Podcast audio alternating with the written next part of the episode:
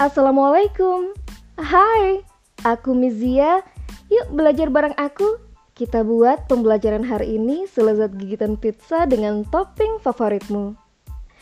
Kali ini kita masih membahas buku international bestseller yang berjudul Power Up Your Mind karya Bill Lucas, seorang ahli lifelong learning yang akan mengungkap rahasia otak kamu dan memberikan tips dan trik mengoptimalkan otak supaya kita bisa belajar lebih cepat dan bekerja lebih cerdas.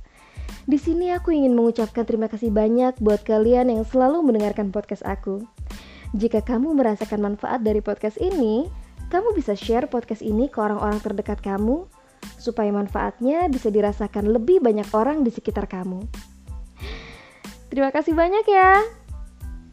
Di episode sebelumnya kita telah membahas tentang sikap optimisme yang adalah bahan bakar dari kreativitas dan ternyata bisa dipelajari serta hubungan antara kecerdasan dan spiritual.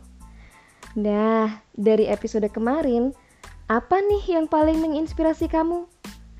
Share komentar kamu pada kolom di bawah ini ya, biar aku makin tahu apa bagian favorit kamu dan mungkin bisa jadi inspirasi aku untuk ide podcast selanjutnya. Di edisi podcast kali ini, kita akan mengaktifkan tombol booster otak kita supaya otak kita bisa bekerja lebih optimal lewat egoisme yang wajar. What? Egoisme yang wajar?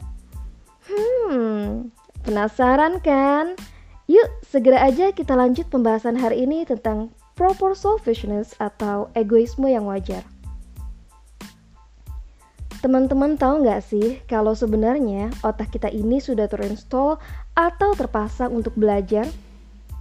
Ketika kita duduk di bis, berdiri di antrian belanjaan, menonton pertengkaran pasangan di jalan, atau sekedar berkutat dengan aplikasi di gadget terbaru, kita pasti mempelajari hal-hal baru tanpa kita sadari. Itu karena otak kita memang sudah terinstall untuk terus memproses pengalaman baru. Istilahnya, hardware-nya udah ada, plus kabel-kabelnya lengkap, ada semua di otak kita. Meskipun begitu, otak yang terinstall ternyata tidak sama dengan otak yang teraktivasi kita mungkin sudah paham tentang bagaimana otak bekerja dan bagaimana menyiapkan emosi kita untuk belajar. Tapi, kalau kita tidak tergerak untuk beraksi, semua persiapan itu jadi sia-sia.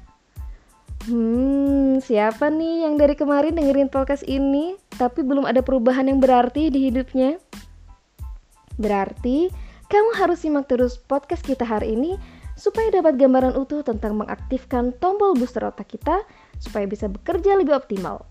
Yuk kita lanjut.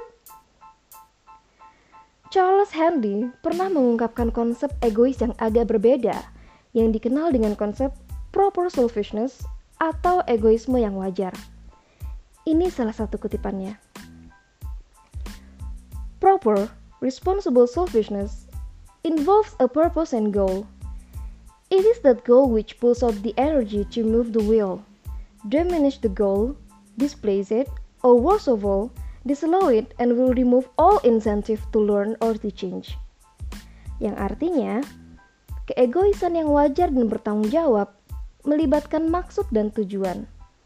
Tujuan itulah yang mengeluarkan energi untuk menggerakkan roda agar sampai ke sana, memperpendek tujuannya, mengubahnya, atau paling buruk melarangnya dan menghapus semua insentif untuk belajar atau berubah. Maksudnya, ketika maksud dan tujuan kita itu melibatkan egoisme kita atau kepentingan pribadi kita, kita jadi cepet tuh ngejarnya dan jadi semangat banget belajarnya. Tapi kalau maksud dan tujuan kita nggak sesuai dengan egoisme atau kepentingan pribadi kita, kita jadi males dan nggak semangat ngejalaninnya. Eits, tunggu dulu. Egoismenya harus egoisme yang wajar dan bertanggung jawab loh ya bukan egoisme yang merugikan orang lain. Gak mengejutkan sih kalau kita semua punya alasan yang berbeda untuk belajar, khususnya buat orang dewasa, di mana konsep lifelong learning menjadi penting. Mengetahui motivasi jujur kita buat belajar itu jadi penting banget. Perusahaan-perusahaan besar dunia paham banget kalau mereka butuh merekrut karyawan-karyawan yang punya motivasi belajar yang tinggi. Tapi itu aja nggak cukup mereka akhirnya melakukan berbagai riset atau penelitian untuk mengetahui motivasi jujur dari karyawan-karyawan mereka. The Campaign for Learning adalah organisasi dunia yang mengawali melakukan riset tersebut di tahun 1998 untuk membantu pemerintah Inggris mendapatkan data nasional terkait motivasi apa yang paling menggerakkan manusia untuk belajar. Yuk kita simak data hasil surveinya. 17% orang mengatakan mereka akan mengikuti pelatihan atau pembelajaran apabila pelatihan itu membantu saya meraih apa yang saya mau dalam hidup. 12% mengatakan memuaskan rasa ingin tahu pribadi saya. 10% mengatakan meningkatkan prospek karir saya. 10% mengatakan meningkatkan kualitas hidup saya.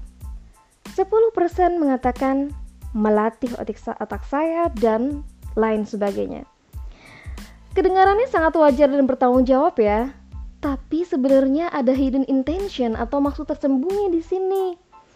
Untuk bisa tahu kalau kamu mengikuti pembelajaran atau pelatihan yang baik untuk hidup kamu atau karir kamu, kamu harus tahu dulu dong apa yang kamu mau dalam hidup dan skill atau keterampilan apa yang bisa kamu pakai untuk mencapai milestone atau tahapan dalam peningkatan karir kamu.